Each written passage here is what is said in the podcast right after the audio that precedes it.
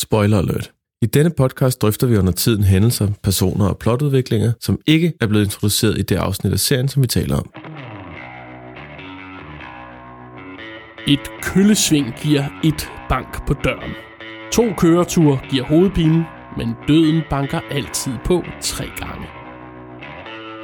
I have come to reclaim Rome for my people! Let's get back to that gabagool. Oh, your mother died. That's a fucking miserable, disgusting thing to be a bad son. Do you know who my brother is? There's no cheerleaders for freshman ball. So we do understand each other. You're uh, Titsum, charcoal briquette, a moulignon. You are such a hypocrite. You pay what you owe. That shaved twat of yours belongs to me.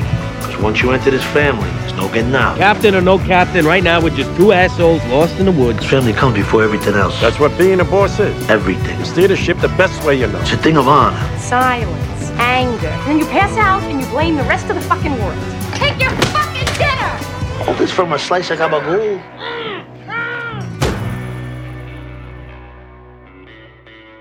Velkommen til podcasten om verdens bedste tv-serie. Vi smyger os igennem The Sopranos et afsnit ad gangen, og i dag er vi nået til nummer 31. Bag mikrofonerne sidder kulturjournalist på politikken og Danmarks 9. bedst klædte mand, Emil Berløv. Goddag. Forfatter og ekspert i tv-serier, Mathilde Anhøj. Halløj. Forfatter og kandidat i medievidenskab, Johan Davidsen. Goddag. Og mit navn er Magnus Krabbe, jeg er journalist og partner i podcastbureauet Kontekst og Lyd. Denne gang så skal det handle om femte afsnit i tredje sæson, bedre kendt som Another Toothpick. Det er rullet over de amerikanske tv-skærme for første gang den 25. marts 2001. Har du øh, hostet af, Mathilde? Sorry, det var ikke for at ødelægge Johans uh, shine, da han skulle hilse på lytterne. Det er i orden. Eller det ved jeg selvfølgelig ikke. Er du okay med det, Johan? Det går. Det godt. Hey. Så øh, lad os øh, tage et resume. Ja, det er verdens længste resume, fordi der sker sådan mange forskellige ting i det her afsnit. Men øhm, vi starter med starten, hvor øh, Tony har taget Carmella med i terapi, og det er ikke en øh, stor succes. Carmella føler sig kritiseret, Tony føler sig ilde til mode, og Dr. Melfi føler sig angrebet, hvilket hun så også bliver. På vejen hjem fra den terapeutiske fiasko bliver Tony og Carmella stanset af politiet. Tony forsøger at bestikke betjenten, men manden er ubestikkelig, og Tony får en bøde for at køre for stærkt. Det gider mafiabossen selvfølgelig ikke at finde sig i, så han sætter en korrupt politiker, der skylder ham en tjeneste, øh, til at ordne sagen. Senere render Tony ind i selv samme betjent i et havecenter, hvor betjenten er blevet nødt til at tage et ekstra job, fordi han takket være Tonys politikerven er blevet degraderet til en stilling uden overarbejdsbetaling. Tony kan ikke helt finde ud af, om det er synd, eller om betjenten bare har fået, hvad han har fortjent. Tony stikker, lidt ekstra, stikker øh, betjenten lidt ekstra penge og også et par racistiske fornærmelser, men den ærlige sorte betjent afviser endnu en gang at tage imod Tonys penge. Det forhindrer dog ikke Tony i at belære Meadow om, hvordan man ikke kan stole på sorte mennesker, fordi de er kriminelle. Meadow forsøger at ignorere sin far og koncentrere sig i stedet om det, hun kom hjem for, nemlig at få vasket sit tøj. Men øh, taske rent tøj på armen gør Meadow klar til at tage tilbage til Columbia, og på vejen ud af døren snupper hun også lige en gammel lampe fra kælderen med sig. Og lampen, øh, der fra nu af kommer til at bo på Meadows kollegieværelse, det er tilfældigvis den, hvor FBI har placeret deres aflytningsmikrofon. Artie Bucco overvejer at starte en masseproduktion af hans signatursauce fra Vesuvio, hans restaurant, sammen med Tony, men Charmaine er imod, dels fordi hun er principielt imod samarbejde med kriminelle, men også fordi det er en virkelig dårlig idé. Artie er dødtræt af, at Charmaine altid er så negativ, øh, og da Adriana, som Artie er hemmelig forelsket i, meddeler, at hun grundet sit forestående ægteskab med Christopher ikke længere kan arbejde på Arties restaurant, får Artie en total nedsmeltning. Han vil skilles fra Charmaine og begynder samtidig at true Christopher og lægge hæftigt an på Adriana. I mellemtiden har en fyr ved navn Mustang Sally overfaldet Vitos bror uden grund, og da Vito er en del af April Crewet, bliver det besluttet, at denne Mustang Sally må bede med livet. Men Mustang Sally er ikke hvem som helst. Han er gudsønnen til en højst respekteret gammel mafiamand, nemlig Old Man Bacalar, far til Juniors højre hånd, Bobby Bacalar. Tony bliver derfor nødt til at vende sagen med den gamle Bacalar, der er dødelig syg af lungekræft. Men Old Man Bacala er helt med på at få likvideret sin umulige gudsøn, og ender endda med selv at påtage sig opgaven. Old Man Bacala var i forvejen i byen for at komme med til begravelsen for Camillas onkel Febby, der også døde af kræft. Bobby, den unge Bacala, har dog svært ved at acceptere, at hans kraftsyge far skal rende rundt og likvidere folk, og forsøger at få Junior til at stoppe det hele, men det bliver som Tony har bestemt. Old Man Bacala kæmper sig med besvær og en hel del hoste op ad trapperne til Mustang Sallys gemmested, og med en inhalator i den ene hånd og en pistol i den anden, præsterer han at skyde både sin gudsøn og gudsøndens kammerat. På vej hjem i bilen fejrer han likvideringen med en smøg og et par ekstra pus fra sin inhalator, men hosteanfaldene bliver for meget for den gamle mand, der kører galt og dør. Bobby er sønder knust over tabet af sin far, og han er ikke alene. Junior Soprano er helt ude af den over nyheden og nægter at tage til begravelsen. Det viser sig, at Juniors reaktion har mindre at gøre med sorg og mere at gøre med et alvorligt tilfælde af dødsangst, som skyldes, at Junior for nylig selv har fået konstateret kræft i maven. Det betror han Tony, der lover ikke at fortælle det til nogen, og så alligevel ringer til sin søster Janice, så de i fællesskab kan drukne deres egen dødsangst i et par flasker vin. Ja, det var mange ting, der skete i det her afsnit. Vi skal forbi lidt af hvert. Vi skal snakke lidt om øh, ja, dødsangst og alle de gamle mennesker, der dør. Og så skal vi lige forbi Arthurs øh, midlife, crisis. Og øh, vi skal også snakke lidt om Tony og det her racistiske øh, udfald af mod den her politibetjent. Men inden mm. vi skal gøre det, så skal vi øh, lige tage fat i den her sag med Mustang Sally. En karakter, vi ikke har mødt før som entrerer scenen ved at øh, give øh, Brian Spatafora en ordentlig slag lige i dunken. Nej, det hedder vel ikke dunken. Det er lige skærmen. Lige skærmen, den er bedre. Lige skærmen med en øh, golfkøl, fordi at han det, formaster sig til at en potter? snakke med hans veninde. Det, det er sådan meget langt, tynd. Mm, nej, jeg tror, er det ikke sådan en... Jeg tænkte, det er lige nærmest en minigolfkøl. Jeg tror, det er sådan en iron af en eller anden art. Jeg ved ikke skid om golf. Jeg tænkte Sandwich. bare, det er noget for minigolf. Ja. Men, men og lad os bare sige, at det var ret uopfordret. Ja, ja, han er bindegal, og det er jo så også det, der kommer frem. At, der er overreaktion. Ja. Han er en af de der loose cannons, som bare er besværlig for mafiaen, ikke? Ja, altså han har en kæreste eller veninde, Tina, som er sur Tina. på ham over et eller andet. Og så går hun hen og spørger, og de, de stopper ind et eller andet sted, og Brian han er stoppet ind med en eller anden kammerat for at skal købe sandwich. Øhm, og så går Tina hen til ham og spørger, om ikke han gider at give hende et lift. Og han siger egentlig sådan, nej, det gider jeg ikke. Kan du ikke bare køre med ham der, din ven? Men jeg ved ikke, hvad Mustang ja, Sally han, han siger sådan noget, det er lige herovre, kan du ikke bare lige tage et eller andet? Jo, ja, han det, afviser hende jo fuldstændig. Kør nu bare med, jeg gider ikke, jeg har ikke noget med dig at gøre. Men øh, det er Mustang Sally lige glad med, så han giver ham et ordentligt slag i skærmen. Jeg forstår slet ikke sådan nogle mennesker. Nej, jeg forstår ikke det, det der sker. Det er jeg på en eller anden måde glad for. ja, nej, men det er sådan, Altså, jeg forstår godt præmissen og sådan noget, men jeg synes bare, der er noget urealistisk over, når jeg siger, at jeg har aldrig nogensinde set sådan noget i virkeligheden. Aldrig. Det, det tætteste, jeg kommer, det er, når sådan, folk råber på cykelstierne, hvor det er sådan slapt over af. Altså, jeg ved også godt, det, altså, det er jo nok, øh, altså, vi har jo at gøre med en dramatiseret øh, virkelighed her.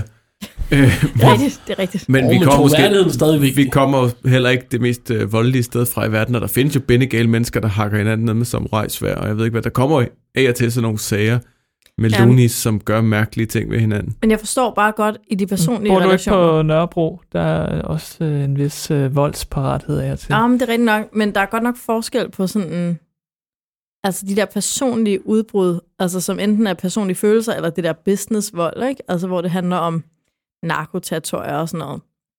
Men i den her scene er det bare sådan, hvorfor skulle du tæske ham der? Han står og afviser din kæreste. Men altså, der, er jo også, købe ham en øl. der er jo også enighed om altså selv inden for det her miljø, at det er, øh, det er for meget.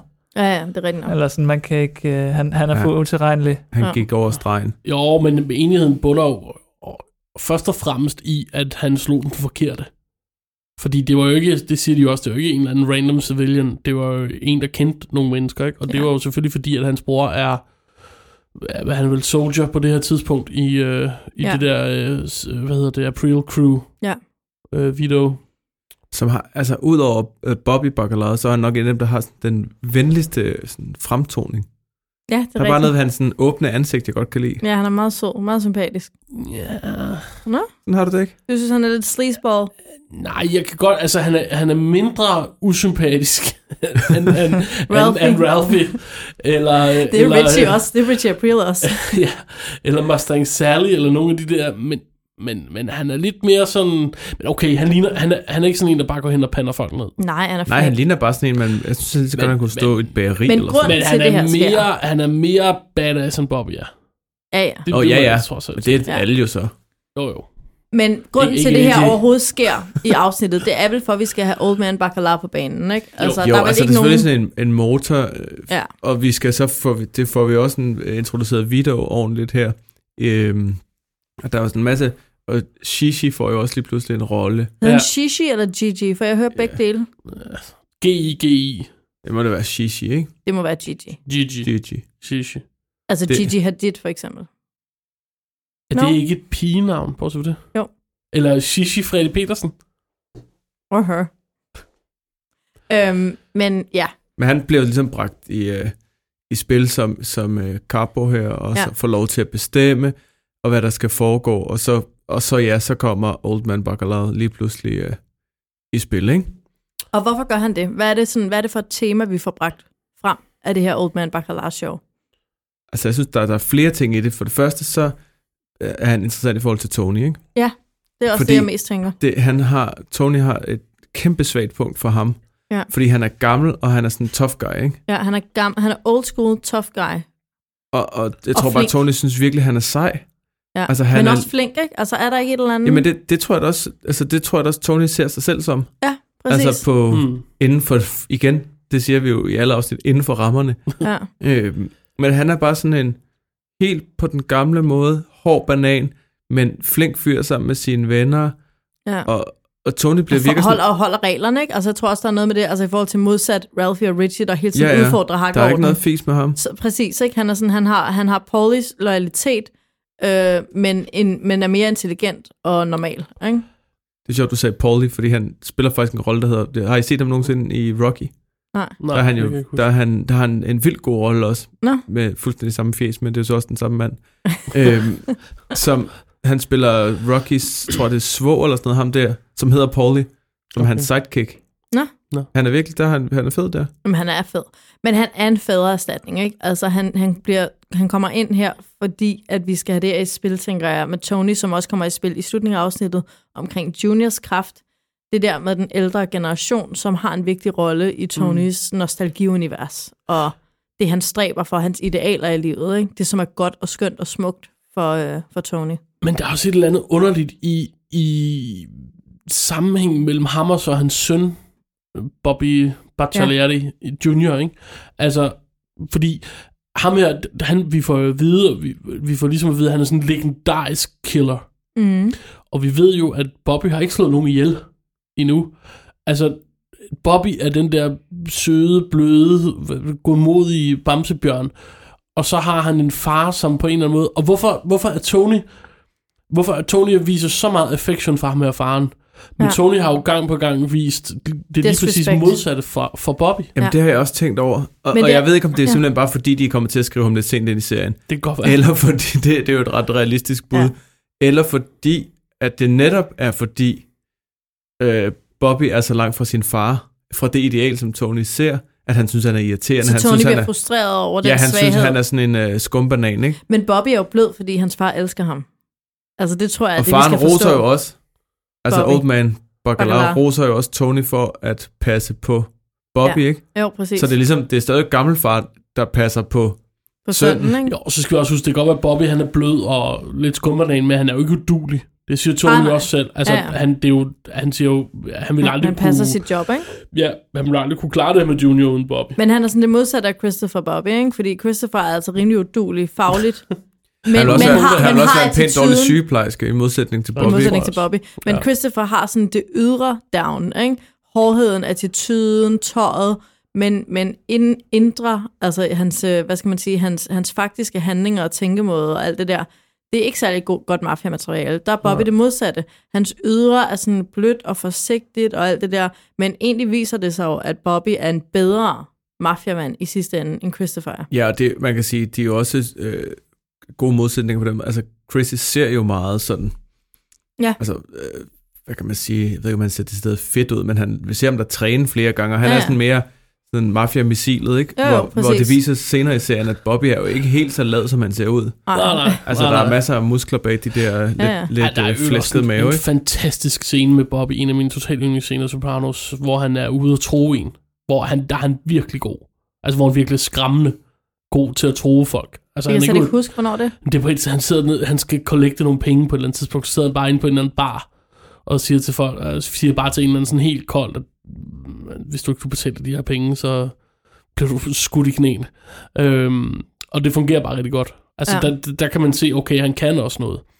Men jeg tror også, der er et eller andet med, at Bobby skal være sådan en spejling af AJ. Altså, Tony ser sig selv i Old Man Bacala, og så får Bacala den der bløde søn. Altså, og det er det, der også lidt foregår i Tonys sådan disrespect med Bobby, som han også har for AJ, ikke? At de der bløde mænd kan Tony slet ikke rumme. Mm. Øhm, fordi han gerne vil have, at han selv er ligesom Bacala, og at hans søn er ligesom Bacala, ikke? Han ser Bacala-typen, som jo også sikkert minder om Johnny Soprano, ikke? Jo. tænker jeg. Altså, det er den samme type, som Tonys far har været. Jeg tror, det er derfor, Tony er så vild med ham, ikke? Ja, altså, det er, det er ligesom, fordi han minder ham om hans far. Det, det er, hans det er, nye, de gamle dage, men ikke på den der lidt uh, udulige, altså cardigan-agtige måde, som, Nej, uh, junior. som Junior har gang i. Nej, præcis. Nej, stakkels Junior. Jeg holder mere med Junior i den her, altså den her omgang, hvor jeg ser Soprano. Det er mere og mere glad for Junior. Jeg har altid været irriteret for ham, men nu tænker jeg bare sådan... Mm, han er så sjov, bare fordi han er så gammel. Altså. Men han er jo også sød. De, altså det er den der, der hvor de møder jo Old Man Bacala til en begravelse, som er Carmellas onkels begravelse. Ran, random relative. Helt, ja, ja. Øh, hvor lægger I, har I tænkt over der, hvor gammel Junior ser ud sammenlignet med de andre? Mm. Igen, dobbeltradet jakkesæt og hat oven i købet. Ja, altså han ligner en, der er trådt lige ud af 50'erne eller 60'erne. Ja. Hvor de andre ser sådan, selv Old Man Bacala ja. ser sådan lidt mere øh, nutidig ud, ikke? Jo. Altså så, så han står der og ligner en, der er blevet væk i tiden til gengæld så ser han rimelig gammel ud på den måde, han agerer på. Altså han kan jo gå tre skridt eller op ad to trapper, uden at være hoste sin lunger op. Og apropos, han er meget hvis, syg. hvis vi skal hoppe til mordet. Ja, men måske vi bare lige, ja, man tænker bare lige på vejen derhen, så vil vi jo sige, at de er jo alle sammen meget, meget utilfredse med, at, øh, og det er jo ikke Tony, der har truffet beslutningen, det er jo Gigi, Gigi, hvad, hvad vi nu kalder ham, øhm, der har jo fået den her idé, og Bobby er jo, altså, der kan man se, at han er blød, han græder jo nærmest ja. hele det her afsnit. Øhm, og det, det kan han jo slet ikke tage, den der idé om, og Junior kan jo heller ikke tage uh, ideen om, at det er, at det er uh, Old Man Baccarat, der skal gøre det. Men han, han vil jo faktisk gerne selv. Ja. For han vil jo gerne væk fra en dødskamp, som ikke er så glorified, til en mere glorified dødskamp. Mm. Det er, ja, ja, det er jo altså det er faktisk lidt det samme, som vi kommer ind på i næste afsnit. Altså, det er, vi døde uanset hvad, så det handler bare om, hvordan vi dør. Nå ja, for at, for at citere Gladiator. Ja. Øhm, men, og han, det er jo netop det, han siger, han, han sidder bare og dør alligevel. ja. Han kan lige så godt dø, mens der sker noget. Ja, ja han, det virker jo egentlig også, at han modsat Junior i øvrigt, er sådan... Øh, øh, er sådan kommet rimelig sådan to peace med, han er at han skal dø. Vel? Han Nej. er ikke dødsangst, men jeg tror, det er rigtigt der med, at det betyder noget. Øh, og det er jo også det komiske ved, at Junior, efter han, øh, han har det der dødsfald i bilen, hvor han sidder og ryger smøger en halator og kører galt, og, og Junior er sådan meget, hvad døde han af? Hvad døde han af? Var det kraften, eller var det noget andet? Det spørger Junior om, fordi han selv er bange for at dø af kraft, og han er en overtro om, han er nummer tre. Og jeg, tænker, jeg, jeg havde svært ved ikke at tænke sådan... Øh, altså, de har sådan den der, der er sådan der krigerting, som også er sådan en romerting og en vikingeting og sådan noget med, at man på en eller anden måde lidt frygter strådøden, ikke? Altså, man frygter at ligge som en gammel mand derhjemme. Ja øh, i sin seng og dø i er stedet... Er strådøden, når man ligger i sengen? Ja, så ligger du i sengen, ikke? Okay. Altså, i modsætning til at dø på slagmarken, som er, det, ja. som er det ærefulde på en eller anden måde. Og det gamle Baccalar, skulle, han er frisk nok på, at der ja. skal ske noget. Ikke? Han har kedet sig i otte år, siger han. Så nu ja. er det fint, at han lige skal slå sin gudsøn ihjel. ja. Så man jo ikke, så ikke kan lide alligevel. Man alligevel synes, han er en klovn. Og så tror jeg også, der er et eller andet med, at, ikke, altså, at det, sådan, det definerer, de her mænd bliver defineret af deres død. Altså det der med, at det, det er deres eftermæle på en eller anden måde, hvordan ja. de dør, ikke? Så hvis du vil dø som en, en hardball, sådan en mafiamand, jamen så har du faktisk brug for den der død i, i marken, ikke? Så men han, det ikke men han virker også som en, altså, sådan, som en noget mindre sådan forpint type end Junior. Altså, altså Baccarat. Ja. ja. Altså han takler det, når han takler det noget anderledes. Han skal bare ud og have sit, øh, Adrenaline kick. Han skal, ja, præcis, han skal have adrenalin, ikke? Og han er bare uangst. Altså, han har slet ikke det der, som Junior har. Øhm, men når, de så, når han så kommer der hen til den gudsøn der, øhm, så det er jo selvfølgelig også, fordi jeg holder øje med det, men var der nogen af jer, der lagde mærke til, at vand er død til stedværelsen? Han bærer med glas vand. ja, han bærer med glas vand. Han bærer med glas vand, og sidder lige foran en sådan sø eller et havbillede. Vand er død, Rajon. Vand er død, er helt op og bimle her. Mm. Det vil jeg bare gerne lige føre ind.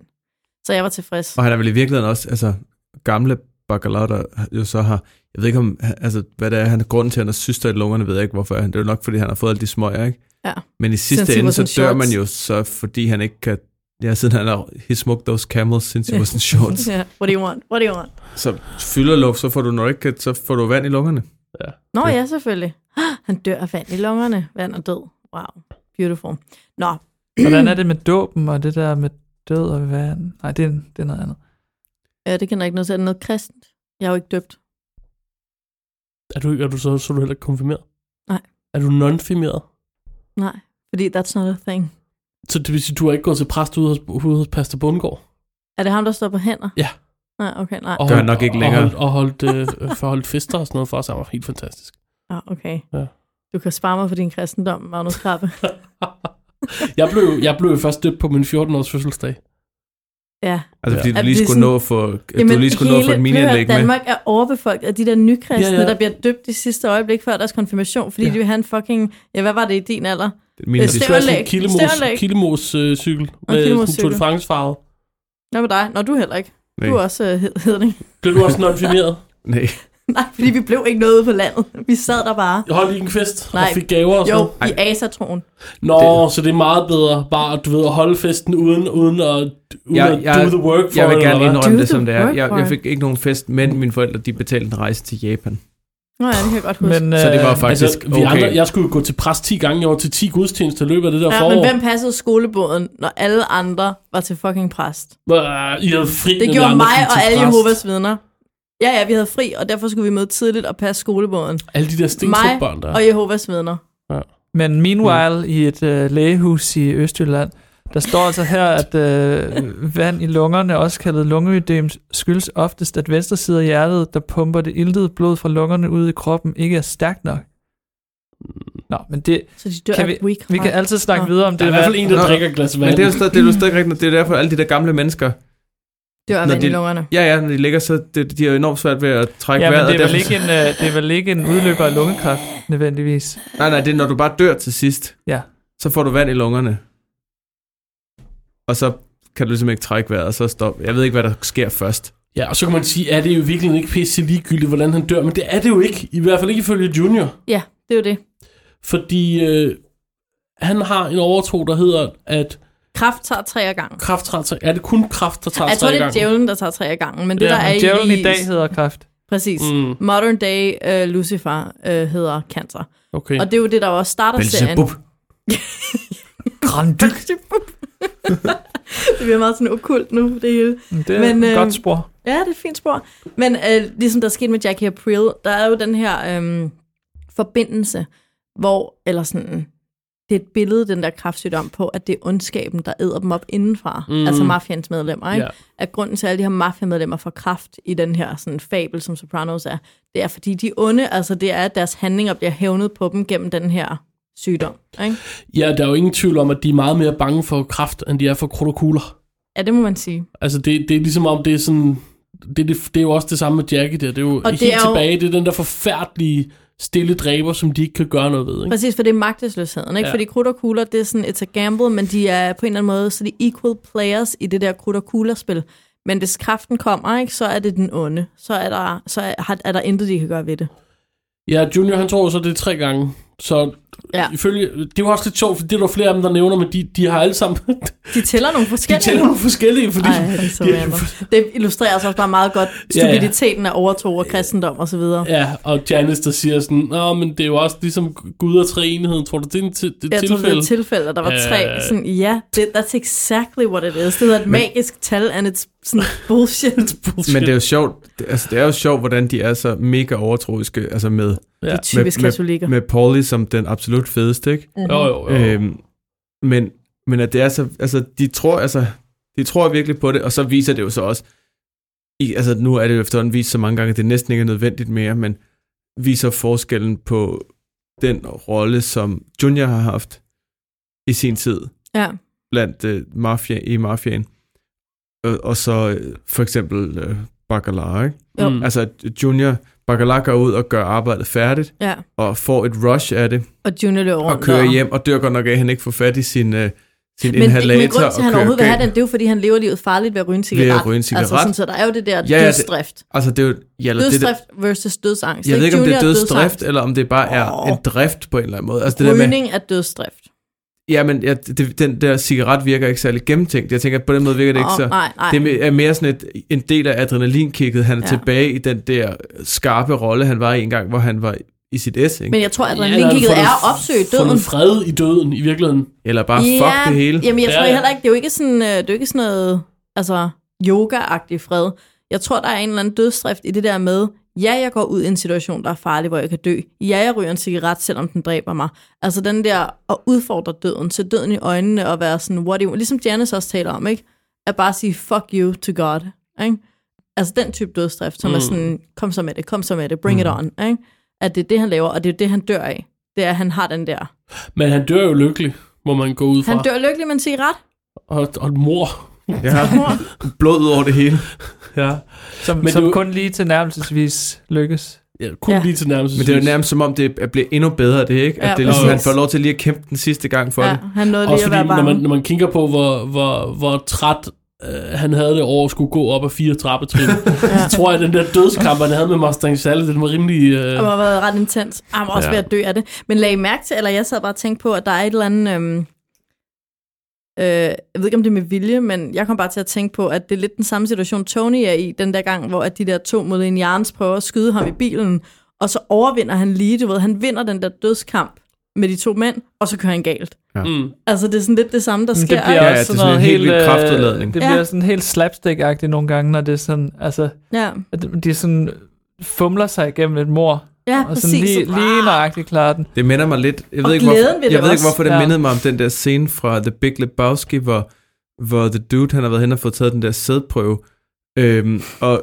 hører, hvor han, Credence. hvor han Credence sidder og banker, han sidder og banker Så i taget på sin, din bil og ryger en joint, og, Looking er out my back door. Præcis. Ej, det er så godt. og er mega godt humør, indtil han taber Ja. jointen ned i skridtet, Ja. og, og så bliver han nødt til at øh, slukke Shit. den med sin øl, og så køre ind i en uh, container. Der er bare et eller andet, der er bare det er noget, så der meget minder den om. samme scene.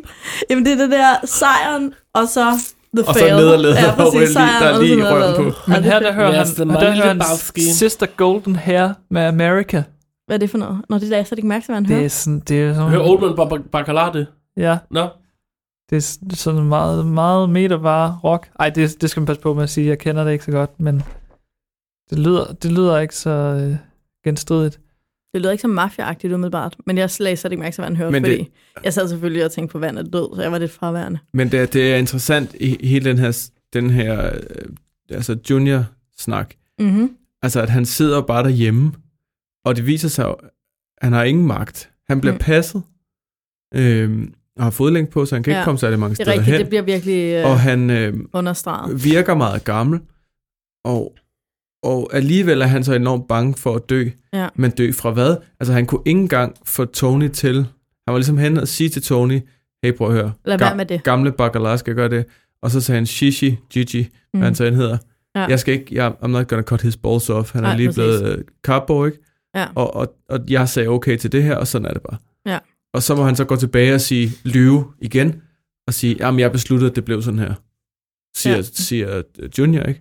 Jo. Til, til Bobby, selvom det, det ikke passer. Han, det er den ene, han bliver nedværdiget og nedværdiget og nedværdiget, ja. og man kan tænke, "Men hvorfor gør han ikke et eller andet? Han må da ligesom, jamen, det- der må komme han et opgør. er, eller man, ja, men det er fordi, slet ikke Junior sådan, er han en kujon, altså, eller sådan, ikke, og jeg mener det ikke er grimt sagt, Nej, men han har den der kujonagtige Ja, han er mere ligesom vi andre er i Han virkeligheden. er præcis, han er også, han er sådan lidt, Nå, ej, jeg hader bare folk, der kommer løse hunde, men ham derovre har et rygmærke, så jeg tror bare, jeg smiler rigtig pænt nu. Ja, og håber, den hun ikke æder mig. Præcis, og, men klapper den, hvis den prøver, fordi man må bare få det til at. Altså, Hvordan, hvordan tolker jeg egentlig det der, hvor han stikker hånden ned i den der affaldskværn i vasken for at fiske den der Sten op. altså udover vand og død og en vask, ej.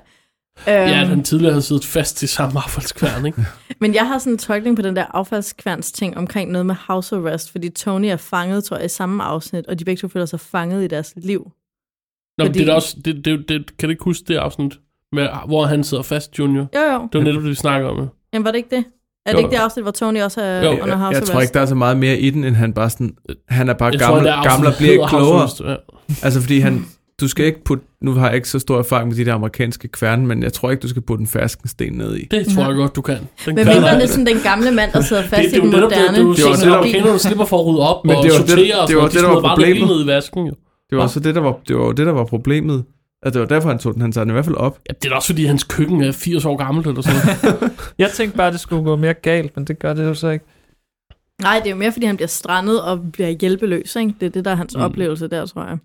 Nå, men øhm, skal vi til detaljer? Ja, vi skal bare lige, der er måske Nej. en enkelt scene, vi lige skal tage Nej, med. Det er Tony og. Janice, der sidder til sidst og snakker. Ja. Og der, der er to ting, der jeg synes, der er interessant. For det første så er det sjovt, det der med, at Janice, hun snakker om den her øh, treenigheden, og det er jo ikke tilfældigt, og folk dør i træ, og det er da det samme med Gud og Jesus og Helligånden. Og du kan bare se Tony, og det er jo også der, hvor Tony på, er den moderne mellemleder, ikke? Mm-hmm. Øhm, Tony tror jo ikke på alt det der. Tony han falder jo ikke for alt det der bullshit, Nej. som Janice og Junior og mange af de der andre, de fabler om, vel? Fordi Tony, han er, han er rationel, og han er billedet på det nye tusind.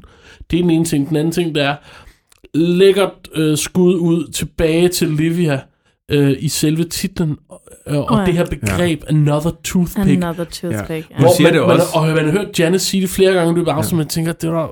Og Junior Correction jo også tidligere, siger noget forfærdeligt noget at sige. Altså, Another Toothpick, som i, nu var der endnu en af de der gamle, der dør. Sådan Ja. ja. helt, man kan lige forestille sig, det er helt indsunket, ikke? Ja, totalt.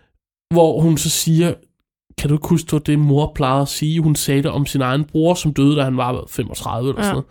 Hvor man tænker, det er så Livia-agtigt, ikke? Ja. Det er så Livia-agtigt. Er det Men, og det, jeg tænkte også over, i, Ja- hos Janice, der, der er bare sådan en kynisme, Ja, altså som man genkender fra Livia, og som man kan se, Tony ikke bryder sig om heller. ja.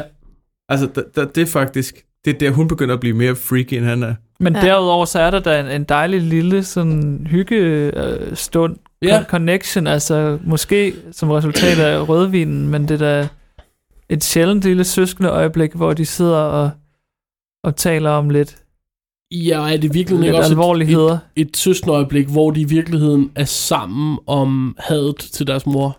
Eller i hvert fald er sammen om at, har haft en mærkelig mor. at have haft en mærkelig Ja. mor. Jo. Ja. jo, og, men det er sjovt, fordi de er bare meget forskellige, ikke? og Tony er klart den følsomme af de to. Mm. Og alligevel er det som om, der er sådan en samhørighed i sådan døden. Altså det med, jeg er altså sikker på, at Tony vil være meget mere ked af at miste Junior, end Janice vil. Men ja. det er bare ikke rart for nogen af os, at nogen dør på grund af vores egen dødelighed. Mm. Og det er det, der jeg føler, der er i scenen, at de har egentlig hver deres oplevelse af den her nyhed. Men ingen af oplevelserne er særlig behagelige, og derfor finder de et eller andet sådan samhørighed med det. Ja. Men jeg tror også, at det gælder mere for Tony, og det gælder faktisk slet ikke for Janice, tror jeg. Men for Tony er det meget det der med, og det er også det, der gælder for Old Man Baccalar, det der med at sådan salute de gamle, øh, store mænd, når de tager derfra. Altså, at det er sådan...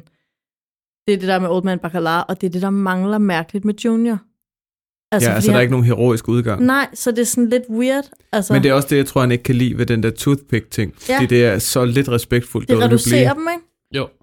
Altså, det er sådan det modsatte af at sådan være ærefuld til, ærefuld til en Men, begravelse. og det, det, er jo, den har Junior også. Junior vil ikke have, der er nogen, der... Det var jo et fedt, at Junior siger til Tony, at øh, da han fortæller ham, at han har kraft, du må ikke sige det til nogen. Og så ser man et sekund senere, Tony siger det til Janice. Ikke?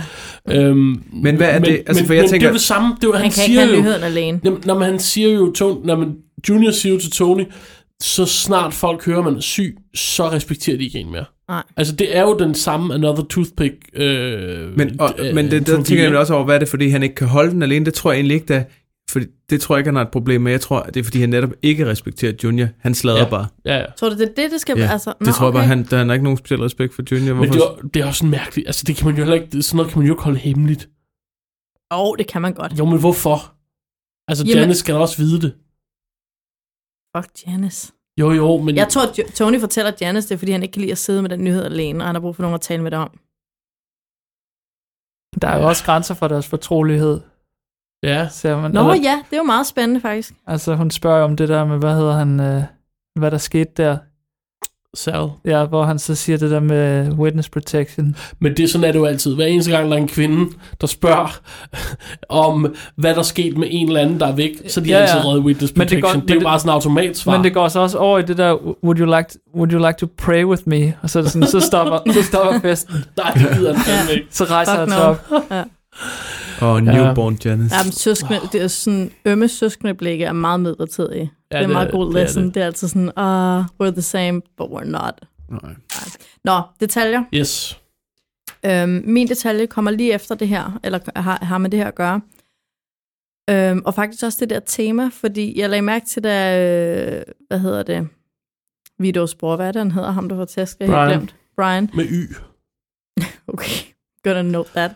Øhm, han ligger på hospitalet, og så kommer de der besøger ham, og, og hele scenen handler jo rigtig meget om det her med, Gigi er the capo, altså han er kaptajnen nu, og han skal tage beslutningen og sådan noget, og øh, Old Man Bacala bliver bragt ind, og vi bliver nødt til at tale med ham, for han er en ældre kaptajn.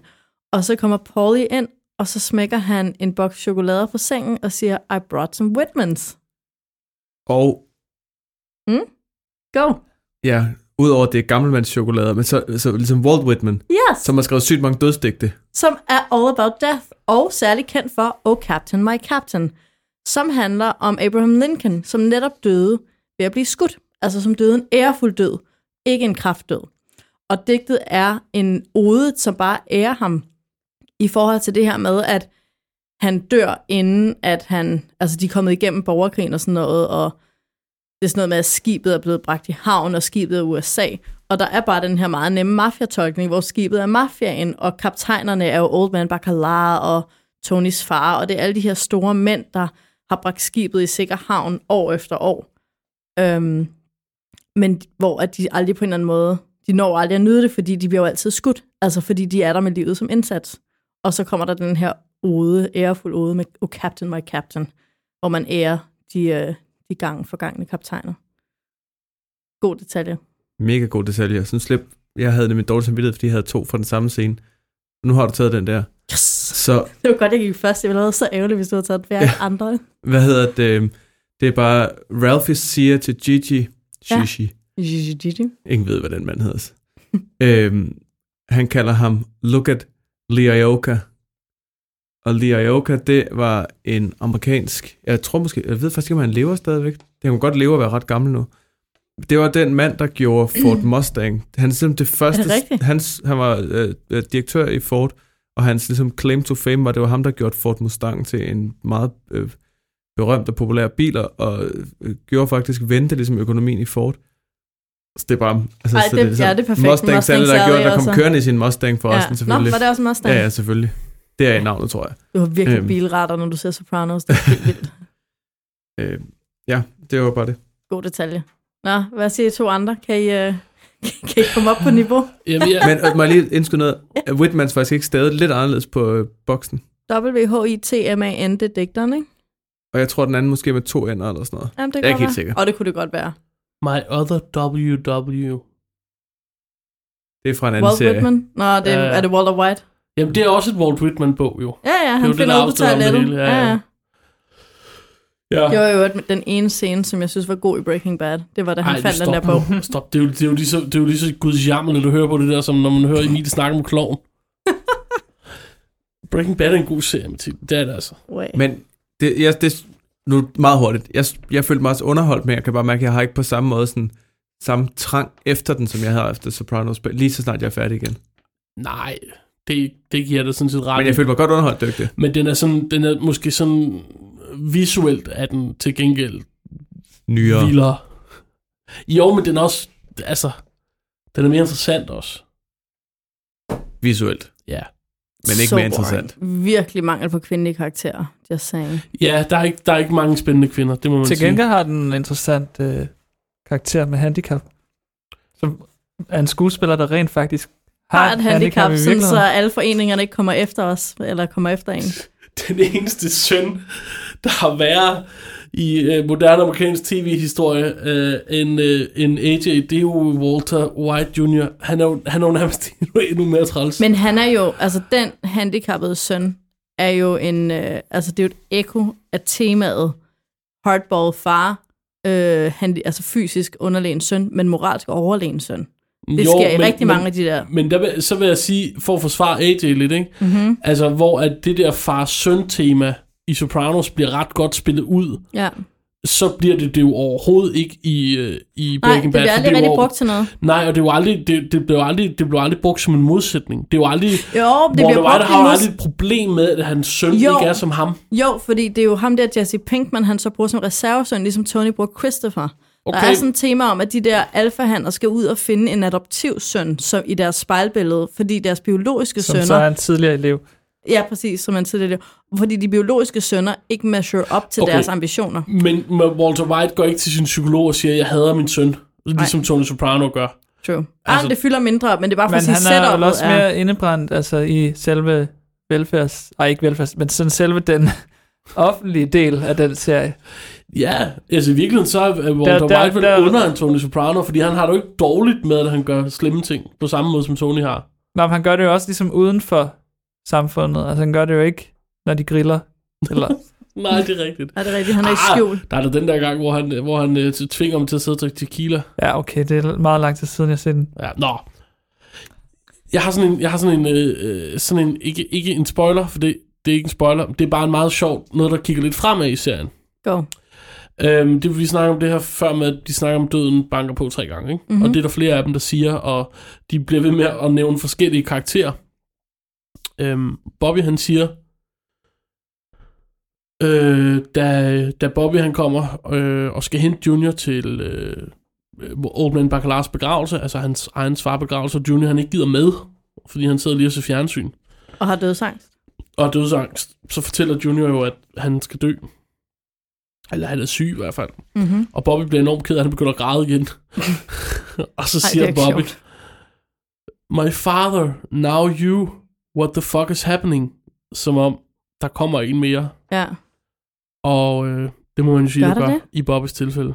Ja, det gør der. Det kan, den tager Det vi vi tilbage til. om nogle Lige når du er der, ikke? Ja. Øh, så ender den scene med, at Junior ser ser en film, hvor de så siger, You're gonna miss the boat. Uh, skal jeg se, jeg tror, jeg skrev det ned. Nå, det gør jeg ikke. Nå, det er noget med, at i den der film, der siger de, You're gonna miss the boat. I already missed the boat. Eller I missed the boat a long time ago. Mm. Og den analogi med skibet og miss the boat, er jo også en, altså, det er hele den røde tråd i det der Oh Captain, My Captain digt, ah. som så bliver sådan Ja, okay. rundet op der. Og det er forresten Frank Sinatra, Er det? Ja. Åh, oh, sygt nok. Ej, Det det, hele jeg hænger så sammen overhovedet ikke. som, øh, ja, det passer bare meget godt lige Ja, ind, det i, passer meget ja. godt. ind i Juniors liv. Jojo. Ja, men øh, jeg kan jo godt lide det øh, populære kulturelle spor, så jeg synes jo, det er dejligt, når øh, Mette, hun går og Ja. er på et af sine, øh, et af sine vanlige besøg i, øh, i barndomshjemmet, og så går og hører Walkman og hører øh, Breathless med Course. den irske søsne gruppe The Course. Elskede den Og sang. det er jo så også den scene, der leder Yes. over i, at hun lige får øh, taget øh, lampen, som politiet bruger som aflytningsredskab med sig. Ja, så er det nok ikke tilfældigt, at det er Breathless og Bob, altså og Old Man Baccarat ikke kan få vejret. Ah, det havde jeg faktisk ikke tænkt på. Bam. Men det er, det er jo også sjovt, jeg havde den faktisk også med på min shortlist over bedste detaljer, fordi jeg synes, det mindede, det mindede mig om på sådan en god måde, det der med, at vi jo, altså AJ og, øh, og øh, Meadow alder. altså skuespillerne, Ja. ikke, men, men man må gå ud fra, at de spiller nogenlunde den alder, de også er i virkeligheden, er født i 81 og 85, så de er sådan meget i virkeligheden vores alder, så det, ja. det, det er på en eller anden måde sådan en øh, god ramme, det der med, gud, jeg kan da godt huske, man hørte Kors dengang. Eller, Jeg fik også en følelse af, gud, er det ikke længere tid siden Sopranos foregår? Fordi jeg føler, Breathless var sådan fra måske to år siden, og det ved jeg godt, det ikke var. Men det var bare så nært, da jeg hørte Men det er, jo også, øh, det er jo også noget musik fra den periode, som, øh, som folk de, øh, er begyndt at spille ret meget igen. Og man kan også sige, noget, noget af, af tøjet kan man jo opleve, hvis man for eksempel går forbi det frie gymnasie i dag. Okay. Jamen, det ved jeg ikke. Jeg, jeg, jeg, jeg tror ikke, jeg har hørt Breathless siden Det har jeg. 2001. Så på den, altså, jeg synes, det er en tid, man, øh, man i hvert fald møder Ja. igen nogle gange for tiden. Det var hyggeligt lige at få lidt, lidt irsk øh, folkepop. Sgu en god gruppe, mand. Ja, Nå, det er vi ikke skal, rigtigt. Nå, det er. Vi skal videre til uh, Stakkels Artie. Åh, oh, shit, mand. Kan vi lige starte med Adrianas fucking tierkjole? ja, Hvad hun- var det? Altså, den chokerer ikke mig. Ej, Jeg var sådan helt... Det, for det første er det en natkjole, for det andet tager den bare animal print til sådan en helt anden Men er level. der noget der i hendes øh, generelle, hvad hedder det, påklædning jeg indtil nu, der får dig til at beyond. Og jeg synes, den var beyond. altså, det er ret sjovt. Next level animal print. Det er ret sjovt, sådan en modsætning til, efter hun jo øh, har valgt at stoppe, fordi Christopher ikke vil have, hun arbejder, og Charmaine øh, er host, og går sådan Miss Personality. helt tilknappet øh, med sådan nogle sure, sure damebriller på, og ikke siger farvel til gæsterne, når de går. Øhm, ja, Og det er virkelig sjovt. ja, hun, hun, øh, hun går ikke lige så meget op i det på en eller anden måde. Nej. Nå, men hvad tænker vi om Artie? Har han været forelsket i Adriana hele tiden, eller er det en eller anden indbildt forelskelse, fordi han er ulykkelig i sit liv, som jeg tror Jeg har, er undervurderet? jeg har ikke selv tænkt over Hvorfor, det på hvorfor noget skældne? Skabt. Og indbild forelskelse, det synes jeg også er lidt Det vil interessant du gerne udfordre. begreb. Jeg føler, der er noget med, at øh, er man presset i sådan sin øh, job, parforhold, et eller andet, så kommer der nogle mere kortlivede forelskelser. Hvor at det er det, jeg mener med indbildt. Måske mere end indbildt. Er det en kortlivet forelskelse på grund af circumstance, eller er det Adrianas faktiske personlighed? Nej, Men de fleste Ej. forelskelser er vel relativt Circumstance. det er kortvarige. hverken første eller sidste gang, Artie han oplever at blive forelsket i en Jeg føler, der er nogen, der, der har lidt længere levetid, hvis de handler meget om the connection mellem menneskerne, og mindre om, nu afreagerer jeg lige for noget helt... Men hvis han nu øh, havde lykkedes med sit projekt, så kunne det jo være, at det havde øh, bragt ham et bedre sted hen. Altså, Altså, som, i, som i, i helvede eller himlen alt efter, når Chris slår ham ihjel, tænker du på? Altså, Jeg tænkte projekt bare, score i for... Adriana. Nå, men jeg tænker, det, de projekterne i den her serie handler vel om på en eller anden måde at, at blive den, man synes, man skal være. Den bedste version af sig Nej, selv. ikke nødvendigvis, men altså realisere et eller andet potentiale. Ja, true, true, true. Og, Og, det, Arthur har det, og der det, det, får, det får han ikke lov til. Nej, fordi han er jo den der karakter, der aldrig rigtig må realisere sig. Ikke? Altså, det er sådan, han er den der antihelt. Nå, men, men prøv at, han er jo også bare, jeg, det ved jeg ikke, jeg synes bare, Arthur, han er, han er helt fantastisk, men han er også bare sådan en, en, en udulig opportunist, ikke? Altså, grunden til, at han, tror jeg, er vild Det er med så Adriana, dumt at være både opportunist og. Jamen, sådan, det that's a det er fordi, at, at, at nu kommer der en, der er, der er lidt sjovere og lidt flottere og lidt sødere og klapper ham lidt mere på skulderen, end hans kone gør, som bare pisse sur og som ikke gider at lege med mafiaen. Altså, vi, vi har jo set det mange gange, Arthur, hver eneste gang, der kommer en eller anden mulighed, så, så, nå, så skal han lige lave et sovsefirma, eller så skal han lige, du ved, gå ind i business med dem der, og så er der lige en business opportunity det ene eller det andet sted, og så er der lige en eller anden ny lækker dame, som måske kunne gøre ja. hans liv lidt bedre end hans kone. Men det er fordi, og han, ender jo altid lort. men det er også fordi, han er ikke... Altså, der er jo ikke noget, der tyder på, at han er sådan helt mafia, men han er jo heller ikke helt ikke mafia, vel? Nej, Altså, han er Han ven... har ikke Charmaines rets... Sådan, Nej, nej, Nej, han, altså Charmaine vil bare holde sig væk fra det der. Hun, Ja. hun er slet ikke interesseret i det. Hun synes, ja. det er et problem, og hun vil gerne være fri for det. Men, men for Artie er det hans venner, ikke? Jo, jo. Og det er Og han er ven- heller ikke bange for det. Nej, på samme måde som hun men, og det er, også et, det er også et sted i samfundet, han kommer fra, ikke? Ja, og som han har været vant til, og som han på en eller anden måde føler slægtskab med. ja. Øh, og, og som han jo så formentlig, det er han jo så ikke så god til at, altså, jeg tror godt, de kunne have brugt, det, de skulle være, måske være de to, der havde siddet der hos Dr. Melfi i begyndelsen Ja. af afsnittet. Så meget. De kunne måske også have fået noget ud af det i modsætning til Tony og Camilla. Ja. Øhm, altså, de får nok ikke snakket så meget om de ting. Altså, Artie føler sig nok rimelig trådt på, ikke? Jo. Øhm, og får ikke ligesom sagt det på en ordentlig måde. Hey, jeg vil også godt have lov til at bestemme her i firmaet. Ja. Øhm, Men der er vel også noget med, at hans succesrate er relativt øh, Dårlig. dårlig. Altså yes. han, han, han, men er, han er den så alligevel det? Ja. Fordi han er jo god til at lave mad. Jo, de der men- restauranter, de, men- ja ja, de blomstrer på grund af mafia-forbindelser i høj grad, ikke? Men, men hans restauranter blomstrer jo. Altså den ene, det eneste problem, der er ved den første restaurant, er lige, da nogen kommer til at brænde den. Øh, og den anden restaurant, den går da også fint. Jo, jo, men han er fint nok, dygtig nok til at lave mad, men han skal bare, du ved, hvis man skulle give Arthur et godt råd, så ville det være sådan, bliv ved Charmaine. Fordi hun holder ham grounded på en eller anden måde. Altså alle de der projekter Ej, er jo, nej, nej, er jo det er idiotiske. Altså, det er, jo ikke for, det er jo ikke sidste gang, vi ser Arthur begynde at skulle øh, lave ballade med en mafia-dame, vel? Og det er heller ikke sidste gang, at Arthur han begiver sig ud i et eller andet forsøg på et eller andet idiotisk øh, sidegeschæft, som kommer til at, at koste ham. Ej, det er han rigtigt. ikke styre det. Nej, han kan ikke styre det. Han er et barn, ikke? Han er et barn med, en, øh, med, han er et barn med et kreditkort og en restaurant, ikke? Jo. Men jeg synes, at det er forkert, det der med, at han skal blive Charmaine, fordi det, man ser hele vejen igennem serien, men særligt i det afsnit, det er, at de har et sygt toxic relationship, de der to. Og der er sådan et, øhm, der er sådan et koncept, altså bare sådan et internetkoncept, ikke? men som hedder The Four Horsemen of the Apocalypse øh, i, øh, i sådan relationships, altså sådan i parforhold. Og øh, Charmaine har dem alle sammen. Altså det er sådan en ting, som parforhold ikke kan overleve. Og den ene af dem er at se ned på sin partner. Altså den der hundende tilgang, når de kommer med. Altså sådan, Charmaine synes jo, Artie er idiot, når han foreslår det der, ikke? Men det er han også. Ja, ja, men hun ser ned på ham, altså for det. Jo. Og det andet jo, jo. er øh, manglende entusiasme. Altså hvis, hvis kæresten kommer til en med nogen entusiasme, hvis man ikke er i stand til at dele den entusiasme, så er det rigtig farligt. Og den tredje er sådan stonewalling, altså bare decideret at ignorere, kort an den anden på at komme i kontakt. Og det gør hun også. Nu kan jeg ikke huske, hvad den sidste er.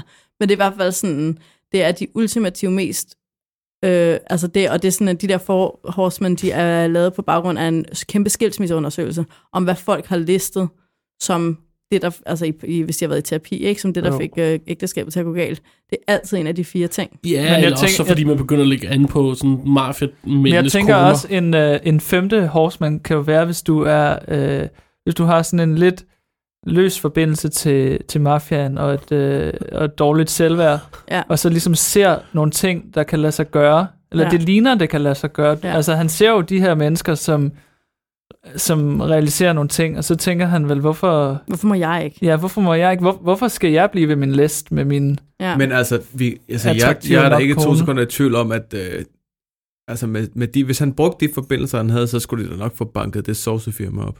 ja, ja, men det ville også være ligegyldigt, hvad den sovs smagte af, fordi de ville jo bare sælge den der sovs til nogen, der var bange for dem. Jeg er sikker på, at de sovs er tip-top. Det er altså senere i serien, Altså, altså, tror jeg, så har vi lavet nogle kommentarer, det- om han ikke laver vildt god mad. Det der, Nej, men det er som- kun fordi, han er stiv eller sådan noget. Nå, det er rigtigt. det, som er det der sovsefirma handlede om, det var jo i første omgang, at der var åbenbart nogle government money i, at hvis man begyndte at genåbne nogle gamle fabrikker Det og er det sådan der byrenovation, vi har Altså, set med little, ja, ja. ja, ja, Det- ja. det- little hookers giving little blowjobs på promenaden. Ja, ja, ja, Men jeg tror apropos- bare, at Charmaine har ret, når hun siger det der Jamen, med, Charmaine Arthur, har ret. It's, it's, not a, it's not an opportunity, it's a disaster. Men hun er også et stærkere menneske. Yeah. Men det er også fordi, at Artie glemmer, har du lyst til at blive styret af Tony Soprano? For det ene og det andet, har du lyst til, at nu kan han sige, jeg skal lige holde møde her, eller du skal lige putte det her krydderi i din sovs, for jeg har lavet en anden aftale med en eller anden, der laver krydderiet. Altså, det er jo det, Charmaine forudser, og der er Artie bare snot dum. Men i øvrigt, nu vi er ved sovsen, så vil han jo give den navnet Satrialis, fordi at navnet Vesuvio får folk til at tænke på vagina, ligesom ja. alle andre ord med V får folk til at tænke på vagina. Vaseline, for eksempel. Men det er bare sjovt, fordi der er sådan i det her afsnit også noget med, at Artie bliver kaldt pussy, og han kalder Charmaine en cunt. Og det fik mig bare til at tænke på, at hele den der Vesuvio-familie, og Artie og Charmaine og sådan noget, de er bare lidt den der feminine slagside til alt det der masculinity i mafiaen. Altså de er de bløde, lovlydige, og lidt sådan sur mor. Altså sådan, Det det gør så bare... lækre ved at få en ny lille ørering. Ja, præcis. Altså det er sådan, der er noget feminint over den der familie i forhold til alle de andre mafiafamilier, ikke? De er bare the vagina Det er faktisk family. det er sjovt, når du siger det, hvis jeg lige tænker over det. Altså, Artie kunne måske være en meget god drag queen, også med de der øh, arme, der farer rundt omkring, og han er alligevel sådan meget pæn, sådan lidt... Og han er ikke lidt et kønt ansigt? jo, sådan præcis, han er netop sådan lidt præcis ikke lidt... Ja. Det, det If he kunne- had his hair. Ja, nå, nej, men det kan man jo så klare, hvis man er drag queen, så kan man jo bare tage noget stort, flot hår på. øhm, Det kan man jo også, hvis man ikke og han er også så lidt mere, han er jo lidt, jeg må sige, han er sådan lidt mere smart model end for eksempel Tony, som Ja. jo ville være en stor matrone. Øh, Ej. Tony Soprano som kvinde. Men det er sjovt, altså, han, Artie er jo virkelig tit out of reach, eller han er sådan ligesom, han går jo virkelig også uden for, altså uden for, hvad han egentlig kan tillade sig. Selvfølgelig kan han tillade sig mere, fordi han ikke er, han har ikke sagt, ja, ja, jeg er en del af mafien. Han Nej. er ikke en made man, og har heller ikke prøvet på at blive det, vel? Mm. Men, altså almindelige civilpersoner i et almindeligt civilsamfund, der, gen, altså, der gennemgående er irriterende over for mafien, eller et problem, eller står i vejen, er de jo ikke for fine til at brække små stykker, eller sende helvede til, mm. eller slå ihjel. Men Tony har jo virkelig et blødt punkt for ham. Ja. Øhm, Er han er Helle, ikke? Eller sådan, det, jo, altså det i hvert fald lige før han er heldig, altså så heldig, at han kommer til, de kommer til at flytte sammen på et tidspunkt, ikke? Ej, det er øhm, så ømt. Men det er sjovt, for jeg sad, Divorced Men's Club. jeg sad med og tænkte over det, fordi jeg sad en der og tænkte over, hvorfor fanden er det egentlig, man kan lide Tony Soprano, den her Ja. sindssyge person, ikke? Ja. som er så usympatisk. Og der er selvfølgelig flere gode grunde til det, øhm, men en af de gode grunde, tror jeg, for mit eget vedkommende, er hans bløde punkter. Ja, Altså tror jeg, hans menneskelighed. I hans, Både med Bacala og med Artie, ikke? Og her kommer min liste, Nå. øhm, Jeg som, skal ikke lave netop, den for dig. som er når han har et, hans, et af hans blødpunkter er for eksempel Chris, ikke? Oh, ja. som er hans familieblødpunkt. Altså Chris er tæt på at betyde noget. Han har det der pseudosøn. Øhm, og selvom så Chris får lov til at gå meget længere, om vi kan få lov til at se Tony, det gør ondt på Tony, at Chris han opfører sig så åndssvagt, ikke? Mm. Og vi kan, få lov, vi, kan, vi kan blive dem, der sidder over Tony og siger, du bliver nødt til at skyde ham, og du Ja, er nødt til at lytte, lytte til, hvad de andre siger og sådan noget, ikke? Vi bliver mere onde, fordi Og- vi er mindre blødpunktet med, blødpunktet med Chris, med end Chris, han er. og med Artie, der er det, det, det tænker jeg, det er ligesom hans barndom, eller hans, hans ægte venner. Ja. Det, det er ikke, han, har, de har, han skylder jo netop ikke noget på, på samme måde som de der mafiafolk. Nej. Altså, da de er på, på øh, hospitalstuen der, ikke? Der er Paul der med det samme, hvad det nu han hedder ham. Øh, ham Little den Lord der, Fuckpants. ja, lige præcis. Den, Nå ja, den, lille- Jackie. Jackie, den unge hunk der, ikke? Ja. Der han sidder og, og blander sig, og Tony siger, om han ikke kan gå ned og købe noget kaffe. Det, altså, han galper op en gang, så Ja. står Paul der, ikke? Ja. Mm. Øhm, og spørger, om han lige kan gå ned på øre næse hals klinikken og få tjekket, om der er noget galt. øh, men, men det er jo fordi, at de har indgået en pagt. Ja.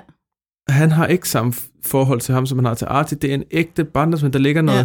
Han har en svaghed for den der ægte ting, der Og er, det er uskyldige følelser. fra en uskyldig, ja. eller en mere uskyldig tid i hvert fald, ikke, hvor ja. De lavede drengestreger og sådan noget. Ja. Og så har han noget for de gamle, og Ja. de der, altså sådan fra traditionen for Old Man Men det er jo også uskyld. Det er jo de gamle dages uskyld. Ja, eller i hvert fald, altså ikke uskyld måske, men så renhed. Ja. Altså, der er, Ja. en, der er en, der han, han mener, det er selvfølgelig Det er fuldstændig utroværdigt. Han mener, det er en renere og mere ufordærvet verden dengang, ikke? Men man kan godt leve Det er sig samme ind i med det. pastoren også, ikke? Ja, Ja. ja, præcis. Det er jo Øhm. også fædregenerationen, han godt kan lide. Ja. Og faren, altså øh, pastorfaren der, var jo heller ikke involveret i det der scheme. Det var den der fordærvede søn, fordi den nye generation bare snyder over det Præcis. hele. Der er også Tom Senior. Øh, havde han det også, øh, var han rigtig ked af, da han døde? Hvem er det? Øh, Barbaras svigerfar. Nå ja, det var også mega mærkeligt. Ja. Men, men igen, Og- det er det der, den der ja. ordentlighed. Ja. Og, og så har han et andet et, et, et svagt punkt, eller et svagt punkt, som jeg, jeg godt kan lide også ved ham, og som synes er fedt, som, som, mod, som er ligesom et modbillede på hans, måske lidt på, hans, på ham selv og hans egne børn og hans egen position, som er de der meget livsduelige mennesker, som Svetlana for eksempel, ikke? Mm. Ja. Som Som imod, ikke klynker. imod alle odds, bare får tingene til at løse sig, som ja. Ja. er sådan et gave, og som, øh, øh, du ved, sætter hårdt mod hårdt, når, når hendes ben bliver stjålet, ikke? Ja, uden at blive fordærvet af det. De bliver ikke Ikke? fordærvet af det, og det er hun ligesom modbilledet på forkælet Meadow, eller Ja. forkælet AJ, eller forkælet Tony for den sags skyld, ikke? Ja. Øh, og som kommer... Og samtlige kvinder, han egentlig forelsker sig i. Altså modbilledet på dem, ikke? Jo, præcis. Og, og så er der den sidste, som, som ligesom er... Jeg vil i virkeligheden bare Janice selv, fordi Janice er ham, Ja. altså, eller er, er moren i virkeligheden, ikke? Men, ja. men Janice er den eneste, som ser lige igennem ham. Ja. Nå, men jeg sad bare og tænkte over det der, at der, der er noget, det, det der, eller i hvert fald en af de grunde der, til, at han er en person, man virkelig godt kan sætte sig ind i, og Og få af. sympati med, og nærmest holder decideret af, ikke? det er, at han har de her steder, hvor han logisk vil destruere de her mennesker, eller være ligeglad med de her mennesker, eller bruge de her mennesker, så, så, øhm, Men så, så, så kan han faktisk kan han ikke, fordi han er følelsesmæssigt involveret ved dem. Nogle gange misbruger han dem selvfølgelig også, fordi sådan er han, og så kan man sidde og blive sur Ja, på men ham. så gør det ondt Men jeg på tror, ham, det- Så må det- han til psykolog med det, eller han Ja. besvimer på grund af det, ikke? Nå, men det var bare en tanke. Og nu hvor vi er ved den liste, så synes jeg, at jeg vil få til, til listen øh, den øh, ærlige betjent. For jeg tror faktisk, det er det samme, der er ved at ske her med hensyn til ordentlighed. At, han, at Tonys længsel mod det rene er også det, der får ham til lige pludselig at have alle mulige modstridende følelser omkring den her betjent. Ja, lad os lige lad os, lad os starte, tage den fra starten. Tony og øh, Camilla, de er jo hos øh, psykolog sammen, eller psykiater sammen, og det går rigtig dårligt. Fordi Camilla, hun misforstår lidt, tror jeg, hvad det der går ud på. Ja. Øhm, og hun bliver i hvert fald sur, og så bliver Tony sur, og så skal de køre hjem, og Tony han, han trykker bare i bund på speederen. Øh, og så sk- skal der selvfølgelig være en bedre, end de Er bliver det ikke lidt freak, at. Camilla ikke bliver sådan... Altså hun... Nej, der er en enkelt bare- gang, hvor hun lige nævner det. Men hvis, jeg, hvis, jeg, hvis jeg kørte med Chrisser i bilen, hvis jeg, hvis jeg kørte 82 steder, hvor man kører 80, så hænger hun i svigermor håndtaget og brokker sig. Men jeg tror, hun, er, hun så jeg tror, selv- hun er vant til hans kørestil. At hun så selv kører Chrisser? som Torgild Thuring, det er noget andet. øhm, Kører men, du lige så aggressivt som Tony? Nej, jeg kører ikke lige. Det gør Chris, men hun kommenterer det altid, hvis jeg kører 82 på en Det landvej. er fordi, det er sygt utrygt at sidde i passagersædet, når Men der er det- en anden, der det er sidder og kører ret- som en det- gal. det er bare meget- det er dig, jeg taler til. Det er bare meget sjovt. Jeg tror, Lasse kommer også op på 82 på de lande, nej, det kan jeg godt at, fortælle. øh, Altså Carmella, hun, hun siger nærmest ikke noget, og det bare... Det jeg tror også, hun er mere fortørnet over det, der er foregået i terapirummet. Ja, hvor hun er blevet angrebet på det groveste. Ej, det er også bare så forudsigeligt, det der med. I øvrigt vil jeg jo sige, at der er jo ikke nogen psykolog, øh, som er worth their salt, der vil øh, lave en parterapi øh, på den måde, altså med den enes huspsykolog. Altså hvis vi forstår, hvad jeg mener. Fordi mm. det vil jo altid resultere i, at man føler, at man er den nye i klassen. Det vil jo altid være, at hun vil henvise til en anden psykolog, som så kunne lave et parforløb med dem mm. på et eller andet antal gange. Det giver ingen mening, at hun sidder der. Og især hvis hun så skulle sidde der, så skulle det være forberedt ordentligt, sådan så Tony vidste, hvad han skulle delagtiggøre hende i, når hun sad der. Det der med, at hun bare dukker op, og Melfi sidder og laver sit sædvanlige, at til at stille den, til du snakker trick, det er så sindssygt inkompetent. Men altså, man kan også sige, måske er Melfi ikke inde i den bedste periode lige for tiden. Nej. Voldtægt, småltægt. Jeg synes også bare, det er morsomt det der med, at Carmella hun siger, at, øhm, at hun nævner til mødet, fordi at de snakker om root causes, så Tony får ligesom øh, mansplanet øh, over for Carmella, hvad det er, Det er så Melfi, sødt, og det øh, boysplanet, siger. det der. Det er sådan så måske der er noget af det, du er gør, som er svært for du mig. gør nogle ting, som gør, at jeg får sådan det rigtig dårligt, og nogle root causes og sådan noget. People affect each other, og så siger Camille jo også sådan, at øh, måske så kunne the root cause være hans egen opførsel. Og så tænker man jo, nå ja, fordi han jo render og slår folk ihjel. Nej, nej, det er selvfølgelig ikke det, hun hensyder til. Hun hensyder selvfølgelig til, at han er utro. Ja. Så det i virkeligheden He er sticks derfor... his stick into anything with a pulse. Ja, fordi det er jo, det, det er jo the crime ifølge Camilla, og det er det jo på sin vis også. Men det er det jo for en mafiafru, ikke? De har jo sagt ja til øh, noget utroskab og masser af mor, men ikke til Tonys mængde af utroskab. Ikke Jo, men, meget. men så kan man sige, så Det er Tony så siger også til hende, I, bro- I broke up with that Russian, Russian person. Russian person, ja. Prøv lige at holde det sådan lidt Det, klinisk. det, det, der har man det ukønnet. Det er ukønnet, ja, Ja, præcis. Det skal vi alle sammen blive bedre til at Ja. bruge. Ja, ja. Yes. Nå, men så bliver de stoppet på vej hjem af ham her, som Tony kalder Shaft, øh, den her sorte politibetjent. øh, En god lille Black Exploitation øh, ja, reference der. ja, præcis. Og To- Tony, han forsøger først med charme og fortæller ham, at Nå, men jeg kørte jo bare lidt hurtigt, og så får han lige vist et kort, hvor der står, hey, jeg kender din chef, og hvis jeg var dig, ville jeg ikke give, dig, give mig en bøde. Men øh, den hopper han ikke på, ham her, så han giver Tony en bøde alligevel. Og Tony var jo sur nok i forvejen. Så han reagerer selvfølgelig bare med til hjem og ringe direkte til Ron, Sel Ron Selman, hedder han ikke det? Øh, hans ven i, Ja. hvad, hvad er det, han hedder? Country, hvad de kalder ham? City Councilman Selman, eller et eller andet. Øhm, og han skal ligesom have gjort et eller andet ved den her bøde. Og Tony tror egentlig bare, at, at han vil Han får bøden til at... få bøden til at forsvinde. Men han får jo også den her politimand til at forsvinde. Han bliver i hvert fald fjernet fra sine privilegier som traffic cop. Øhm, som jo, som du også nævner i, øh, i referatet, I verdens længste han, referat. Ja, det var et godt referat. Tak. Øhm, ja, som betyder, at han bliver nødt til at tage det her bidjob ned i den der forfærdelige... Øh, Ja, og så- hvor ydmygelsen bliver understreget, af, at der kommer en eller anden 21-årig fyr hen og siger, du må gerne tage din pause nu. Ja, du skal tage den kl. Nå, 14. du skal tage den kl. 14.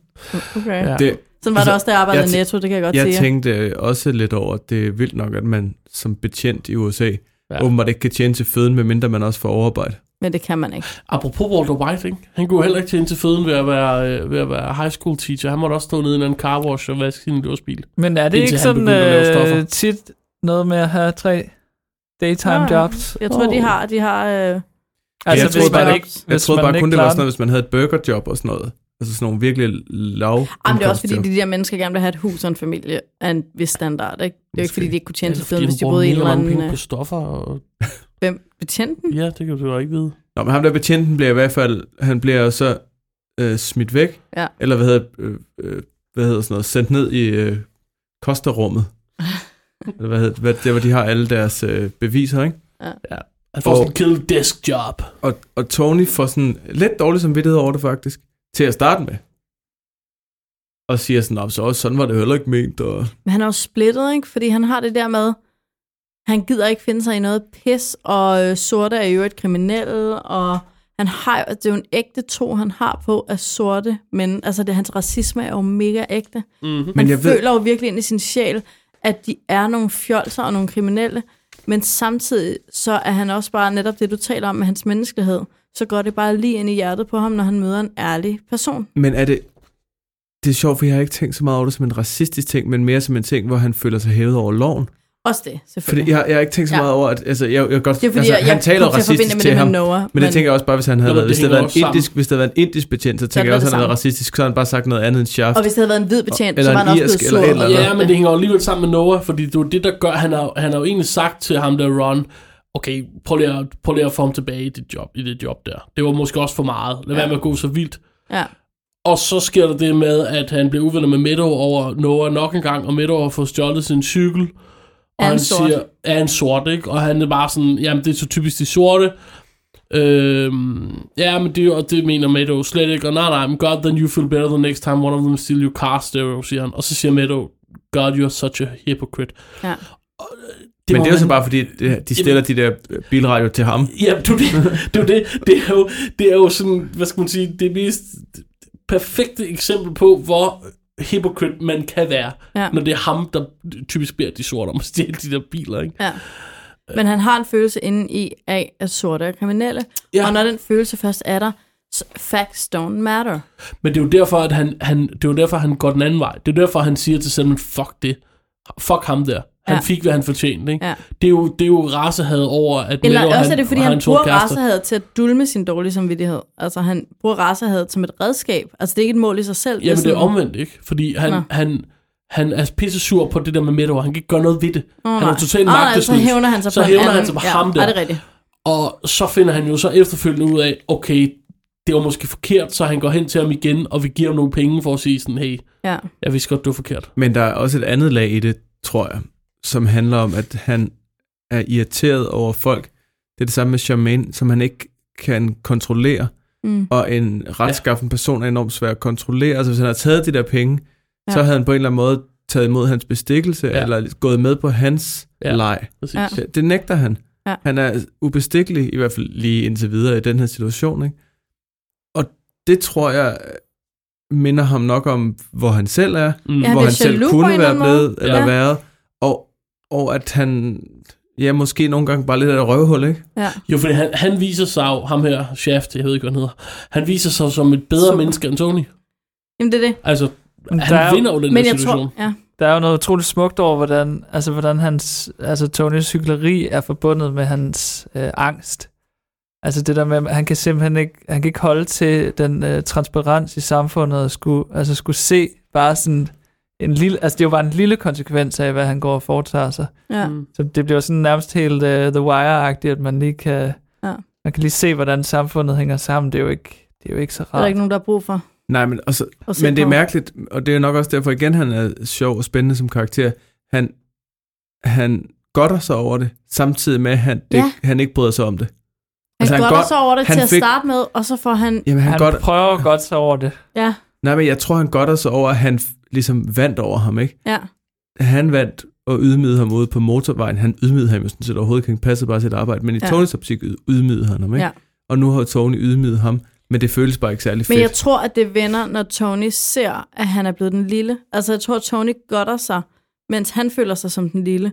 Og når han så ser betjenten stå der i et fucking havecenter med en 18-årig som supervisor, så gør det ondt. Mm. For så er han sådan, fuck, I kicked the little guy, I didn't kick the big guy. Så går det op for ham, at det ikke er en autoritet, han har smadret. Han har kicket en, der var sværere end ham, og det tror jeg ikke, han kan lide. Nej, han var måske også Og en god en. overreaget lidt, ikke? Og en god en. Tony har også noget med, når ting går ud over gode mennesker. Ja. Ja. Ikke, det kan han ikke rigtig have. Og når en god er sort, Ja, så er det rigtig svært. Ja, især når hans datter øh, øh, for tiden dater en sort mand, som, og det er Tony jo ikke så super glad for. Ej, Mildt talt. Er der et eller andet med, altså der er sådan et, øh, der er sådan et tema, den her med, at det, de, sådan, det, det de onde, der vinder over de gode. Eller det er i hvert fald... altså i serien generelt, nej, det er skarpt. Jeg er meget med skarpe. Nej, det, det, er, det, er, det er sådan et afsnit, hvor, øh, hvor røverne vinder over politiet, ikke? Altså, det, afsnittet Nå ja. slutter med to ting. Det slutter med det her. Nå ja, og lampen. Øh, og lampen. Ja. Øh, og det er jo Meadow i virkeligheden, der redder Tony. Ja. Ved at hun tager lampen afsted. Ja, med sin snotforkælede... Men det er også lidt fjollet i forhold til, hvordan sæsonen starter, at det der øh, politi, det fjollede, fjollede politispor, det skal sådan lige, det titter lige op en gang imellem. Ja. Ja. Men det fjollede, lige- fjollede politispor, som er etableret så stort, og så bliver pillet ned så hurtigt, viser jo meget godt, altså sådan den måde hele serien prøver på at vise livets absurditet. Altså, det er jo bare et, et, endnu en lille sådan setup og payoff i den, i den kæmpe fortælling, som er hele Sopranos, som ja. er, at man prøver at gøre alle mulige ting, og så er det bare sådan rimelig absurd Judo. til sidst ende alligevel. Ja. Nå, men, men altså, politisporet startede jo med at være skørt, tænker jeg. Ja, det, det, men det, det startede med at være sådan skørt fortalt som, som afsnit, fordi det var lidt hejstagtigt, ikke? Men man troede, men, eller jeg hoppede på det. Men, men fordi det var så fyldt så meget, så tænkte jeg, at det her det skal nok fylde meget i serien, eller tænkte jeg i hvert fald. Ja. Øh, ja. Og at det så ligesom bliver punkteret så hurtigt, viser ja. bare, udover det, det er meget fedt lavet, altså selv bruge så meget, ikke? Altså, jeg har selv modigt, brugt så meget krudt på at etablere ja. noget, for så bare så fjerne det så hurtigt igen. igen. Ja. Men, men jeg synes sådan set, det, det er et meget godt øh, sådan, altså fortællemæssigt måde at vise hele pointen på. Jamen også det der med, ja, røverne vinder over politiet, men især fordi det er sådan en stærk genre, politiserien. Og mafiaserien er sådan en stærk genre.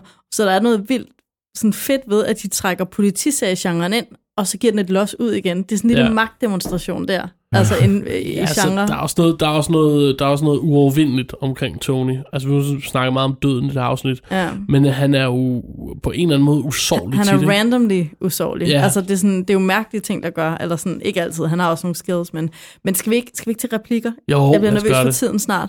Ja. Øh, min replik er, ved, øh, er faktisk noget, der bliver udvekslet omkring den der betjent, da han anholder, eller ikke anholder, men da han stanser Carmella og Tony på vejen der, og Tony kører for stærkt. Og så siger, jeg tror det er Carmella, der siger det, uh, you think that we are arresting dope dealers. Og det var meget sjovt, eftersom that's what they're doing, for din mand er en fucking dope dealer, din idiot. Og det var så sjovt, at de sidder der i deres selvretfærdighed, uh, og hun som mafiafrue, og det er jo en ganske normal ting, det der. Det er jo, man føler det jo hver gang, man som cyklist på nogen måde, altså har, hvis man nogensinde som cyklist har fået en bøde, eller en metrobilletbøde, eller et eller andet, man bliver så frustreret over, at man skal deale med en bøde og med politi, når folk render og skyder hinanden på Nørrebro. Det er sådan, at mm. jeg havde ikke en billet, slap the fuck af. Men her er det bare sådan et, ja, du sidder med den der helt normal menneskeagtige bitterhed over, at okay, du lavede en lille sådan forseelse, og så skal du fandme have politiet på nakken, når du faktisk er fru crime i New Jersey. Det er altså vildt. Rimelig hypocrite. Rimelig hypocrite. Om så kan jeg gerne tage mit citat, for det kommer i samme scene. Jo. Det er da, det, da, da, da han går tilbage til bilen og beder Tony om at, øh, om at slå motoren eller eller Han går tilbage, og så siger Tony sådan bare for sig selv sådan, affirmative action cocksucker. affirmative action cocksucker. så er der ikke mere sådan skjult racisme. Nej, nej. Øh, Chrissy har et meget godt citat, synes jeg, over til, til Artie. Øhm, der hvor Artie er stiv og siger, at du skal passe godt på hende. Altså, så, så. øhm, hvor han siger, What you think you're the only one who knows how to swing a meat cleaver? Ah. Som både peger frem mod ja. Chris' øh, øh, Chris' øh, karriere, eller hvad man skal kalde den, som øh, producent af film, og som peger tilbage til det første sted, Chris han slår nogen ihjel. E-mail. Ja.